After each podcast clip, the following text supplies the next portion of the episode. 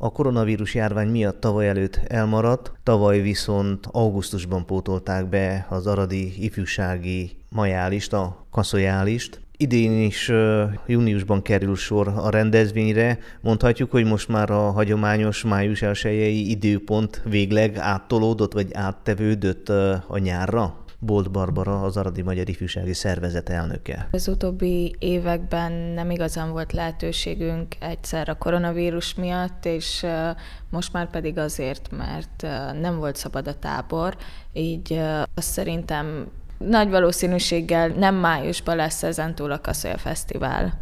Amúgy jobb is ez a nyári időpont, esetleg szebb az idő, melegebb, hiszen azért az április vége, május eleje az időjárás szempontjából még eléggé instabil. Ebből a szempontból igen, én tavaly is örültem annak, hogy augusztusban lehet megszervezni, és bíztam a jó időben. És végül az utolsó héten a Kaszöl Fesztivál előtt igazán rossz idő lesz. Én bízom abban, hogy idén sokkal jobb idő lesz. 30-32 fokot is mondanak, Szóval ebből a szempontból szerintem sokkal jobb egy fesztiválnak, hogy nyáron van. Néhány hete zajlik már a bérletértékesítés. Betelt a tábor, elkeltek már a bungalók, a kisházak, illetve a bérletek is elfogytak?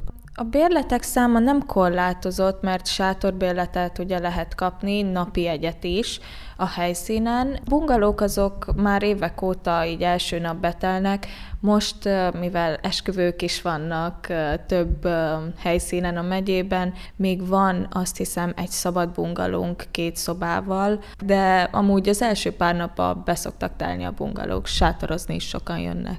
Tehát mondhatjuk azt, hogy senki nem késett le a táborról, aki részt akar venni, akár egyenesen mehet a helyszínre sátorral, és ott is lehet napi jegyet, illetve háromnapos bérletet is venni. Igen, a helyszínen is ugyanúgy, ahogy tavaly, idén is értékesítjük a sátorbérleteket, amelyek tulajdonképp a háromnapos bérletet fedezik, szóval külön a sátorra nem kell fizetni.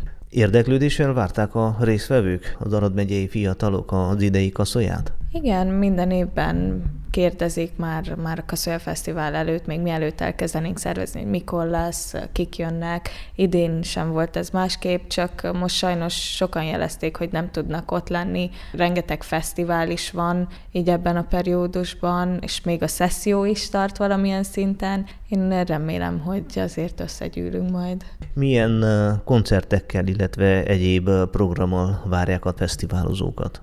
Idén is, ugyanúgy, ahogy tavaly, inkább DJ-k lesznek. Szombaton fel fog lépni a Csiki Gergely Főgimnázium rockbandája, akik nem olyan rég alakultak, samaturandusan léptek föl, és őket elhívtuk szombatra, valamikor este felé, és ezen kívül DJ Dark, illetve Nick Hafsen fog fellépni, és itthoni DJ-k milyen más programok lesznek? Hát a bográcsőzésen kívül meg lesz tartva idén a foci bajnokság, ami tavaly sajnos elmaradt a rossz idő miatt.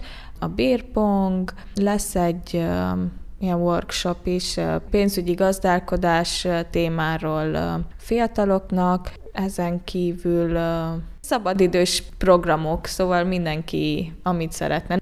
Még egyszer ismételjük el a pontos időpontot, mikortól várják a fesztiválozókat a helyszínen. Péntektől, június 24-től nyitjuk a kapukat, reggeltől akár, és egész vasárnap délutánig fog tartani. Vasárnap már nem szerveztünk semmilyen programot, az már a, a szedelőzködés, hazamenés napja. Koncertek, DJ-k, bográcsozás, jó hangulat.